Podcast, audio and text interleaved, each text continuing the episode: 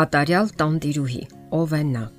Թերևս յուրաքանչյուրքին երազում է այդ մասին՝ լինել կատարյալ տանտիրուհի, ամեն ինչ հասցնել ժամանակին, լինել սիրված, գնահատված ու հարգված կին, նաև մայր։ Իսկ հնարավոր է արդյոք համատեղել այդ ամենը։ Ով է նա, կատարյալ տանտիրուհին, ով թանկ ու անճաշակիրերով է լցնում սենյակները, թե նա, ով կոկիկ է ու հավաք, ճաշակով ձևավորում է սեփական համեստ բնակարանը։ Այս մասին շատ է գրվում, Կան բնակարաններ, որտեղ թվում է անգամ արգելված է բարձրաձայն խոսելը, որտեղ հարկավոր է անհանգստանալ նույնիսկ մի փոշեհատիկի համար եւ չիմանալ թե ինչպես շարժվել այդ տանը։ Եվ բնականաբար դարձյալ առաջանում է իդեալական տանտիրուհու հարցը։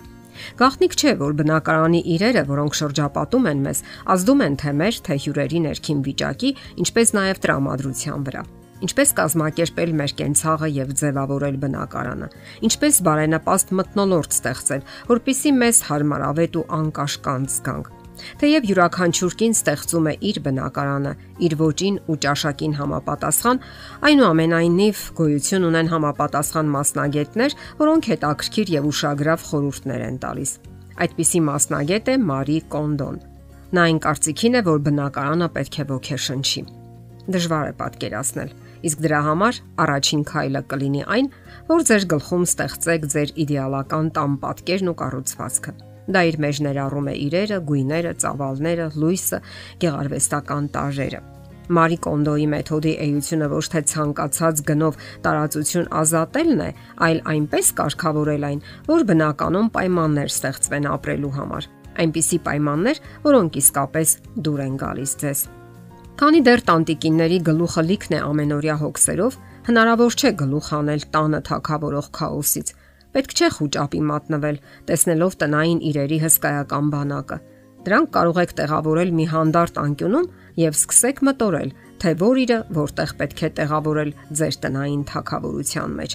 Դա ձեր տիեզերքն է, որտեղ դուք գնահատում եք յուրաքանչյուր իր, արժևորում այն եւ տեղադրում ըստ վիտանելիության, օգտակարության ու գեղեցկության։ Այդ ընթացքում կարող եք նաեւ մեղմ երաժշտություն լսել, սակայն ձեր լավագույն խորհրդատուն այնուամենայնիվ մնում է խաղաղությունը։ Հաշվի առեք այսպիսի մի կարևոր փաստ այն իրերը, որոնք աչքից հեռու են եւ թաքնված, տարիներով չեն օգտագործվում։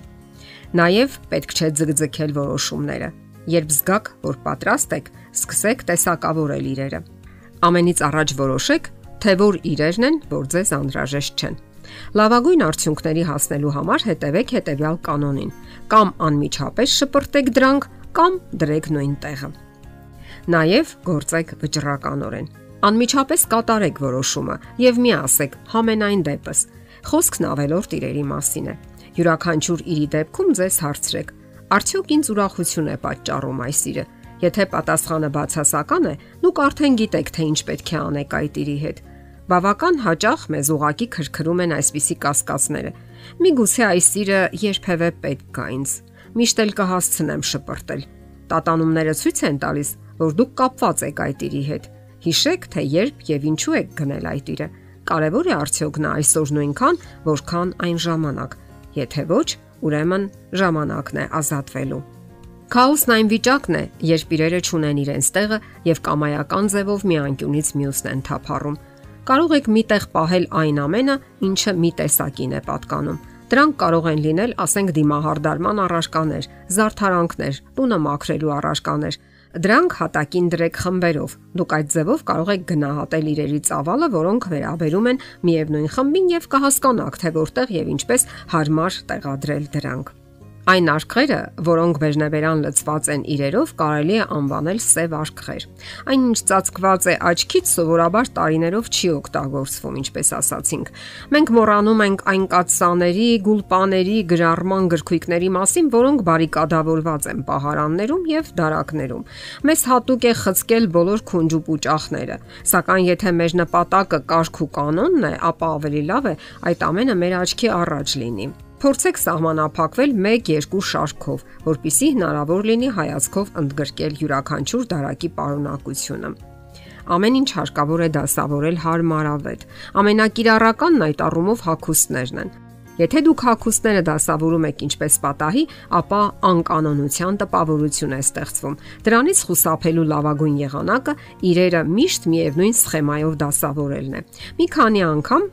կարող եք փորձել եւ ամեն անգամ արդեն կանեք դա մեխանիկորեն։ Շատ տղամարդիկ գերադասում են առանձնանալ ընկերական շրջապատում, կիսվել միմյանց հետ, իսկ կանայք սիրում են առանձնանալ ու շփվել տնային պայմաններում։ Ուրեմն պետք է մտածեք այն անկյունի մասին, որտեղ կարող եք հյուրեր ընդունել. մեկ բաժակ թեյի շուրջ, կիսվել, հանգստանալ առօրյա հոգսերից ու խնդիրներից։ Հանգիստն անհրաժեշտ է ձեզ եւ այն արժանի է, որ ունենա իր համապատասխան տարածքը։ Իսկ ինչ մնում է կատարյալ տանտիրուհի լինելու ձգտումներին, ապա դրան հարկավոր է ձգտել միշտ եւ հարցի լուծումը հենց ձգտման ու ջանքերի մեջ է։ Եթերում ընտանիք հաղորդաշարներ։ Ձեզ հետ է Գեղեցիկ Մարտիրոսյանը։ Հարցերի եւ առաջարկությունների համար զանգահարել 033 87 87 87 հեռախոսահամարով։